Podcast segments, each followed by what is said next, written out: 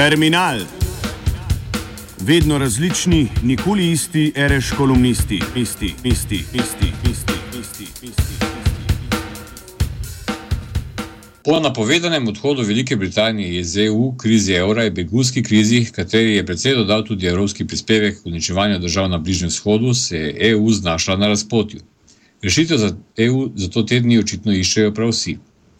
V Sloveniji je pod pokroviteljstvom žarometov zmeraj željnega predsednika države nastala celo nekakšna ljubljanska pobuda za novo ustavo EU, ki si EU predstavlja kot nekakšno razširjeno Jugoslovansko federacijo.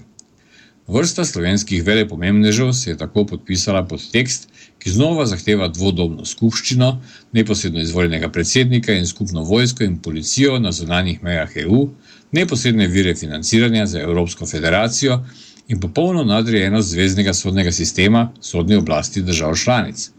Ob tem naj bi nova tvorba dosledno spoštovala tudi enakopravnost držav, saj naj bi imela nekakšen Evropski zbor republik in pokrajin ter zvezdni zbor, skrbela pa naj bi tudi za to, da v skupnosti med državami ne bi bilo preveč socialnih razlik. Novi evropski sistem, ki ga predlagajo predsednik države Borod Pahor in njegovi sopodpisniki, ima torej, paradoksalno, prav vse tiste kvalitete, zaradi katerih je večji del podpisnikov te iste ljubljanske pobude konec 80-ih let prejšnjega stoletja kritiziral jugoslovanski centralizem in v imenu nujnosti obstoja slovenskega naroda zahteval samo odložbo slovencev ter odhod Slovenije iz jugoslovanske ječe narodov. Zato je zanimivo, da so si avtori ljubljanske evropske ustave pri najnovejšem predlogu pomagali kar z izvodom Kardeljeve ustave SFRJ. Na podlagi česar pa je težko sklepati, kdaj so podpisniki ljubljanske pobude res mislili to, kar so zapisali. Tedaj, ko so pred četrt stoletja kritizirali Jugoslovansko federacijo in ustavo SFRJ, ali danes, ko navijajo za federativno republiko EU. Nekako v istem duhu se je oglasil tudi predsednik Evropske komisije Jean-Claude Juncker, ki pa svoje politične usode ni želel zakoličiti zgolj z enim, morda ne prav posrečenim predlogom, pač pa je članicam EU na izbiro ponudil kar švedsko mizo s petimi različnimi predlogi, od vrnitve na sistem enotnega trga do Evrope več hitrosti ter klasične federacije Združenih držav Evrope. Juncker je s tem dokazal, da je voditelj, ki osnovno težavo voditeljstva rešuje na zelo izviren način. Namesto da bi se sam ukvarjal z rešitvami za EU, za kar je med drugim tudi mastno plačan, ter za svoje predloge prevzel politično odgovornost, je odločitev raje prepustil državljanom in poslancem Evropskega parlamenta, ki pa se jim, če preberemo njihove kakofonične izjave, seveda še manj sanja, v katero smer naj se obrne EU. Prav zato je Juncker, ne po naključju, za tisto mesto, kjer se bo pričela evropska razprava o prihodnji ureditvi EU, menda izbral prav Ljubljano. Mesto, ki slovi po neskončnih in brezciljnih predsedniških debatah o slovenski prihodnosti, ki bodo s tem dobile novo evropsko dimenzijo. Vendar pa razprava o tem, kjer so največje težave EU, ni od včeraj. V intelektualnih krogih traja že predvsej časa, k njenemu rezultatu pa v večji meri ne bodo veliko prispevali ne Junckerjevi iz vseh vetrov nabrani predlogi, ne iz starih federalističnih idej sestavljeno ljubljanska pobuda.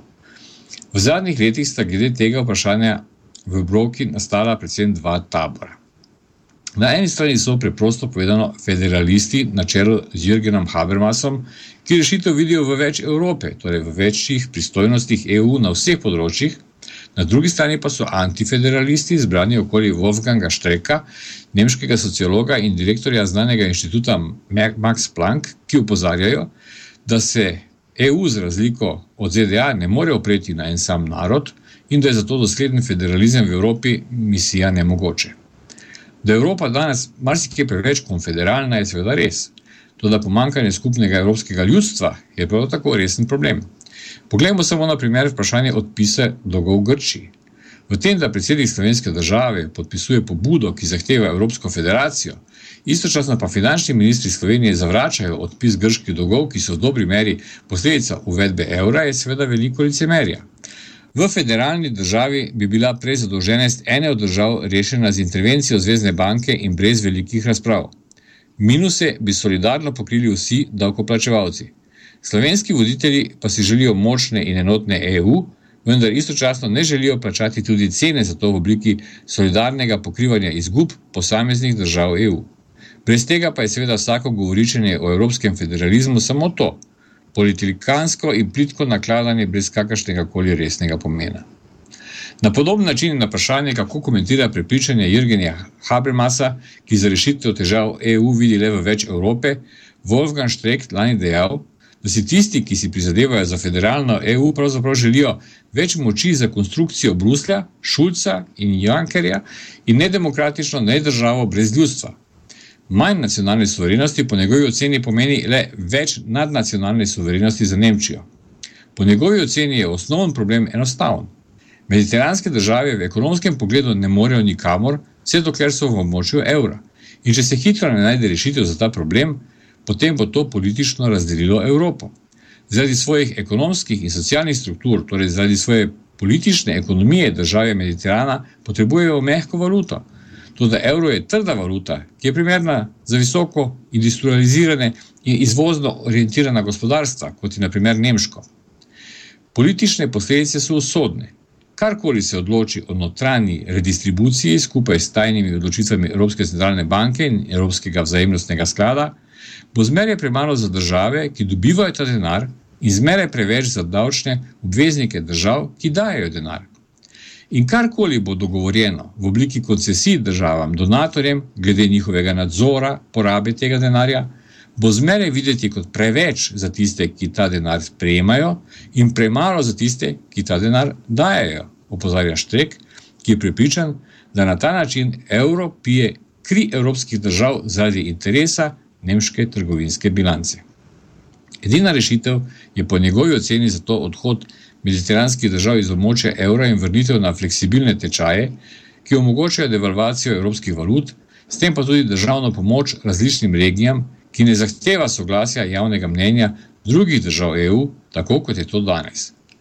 To pa seveda pomeni, da rešitev ni samo v nekaterih večjih pristojnostih EU na nekaterih ključnih področjih, kjer EU danes deluje preveč razglašeno in konfederalno, pač pa tudi v nujnosti po manj EU, povsod tam, kjer so se evropska pravila pokazala kot neučinkovita in konfliktna.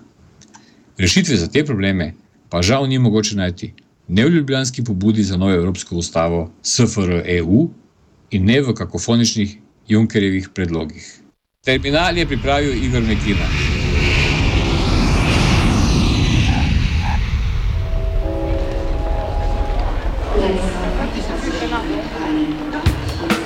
Terminal. Vedno različni, nikoli isti, reš kolumnisti, isti, isti, isti, isti, isti, isti.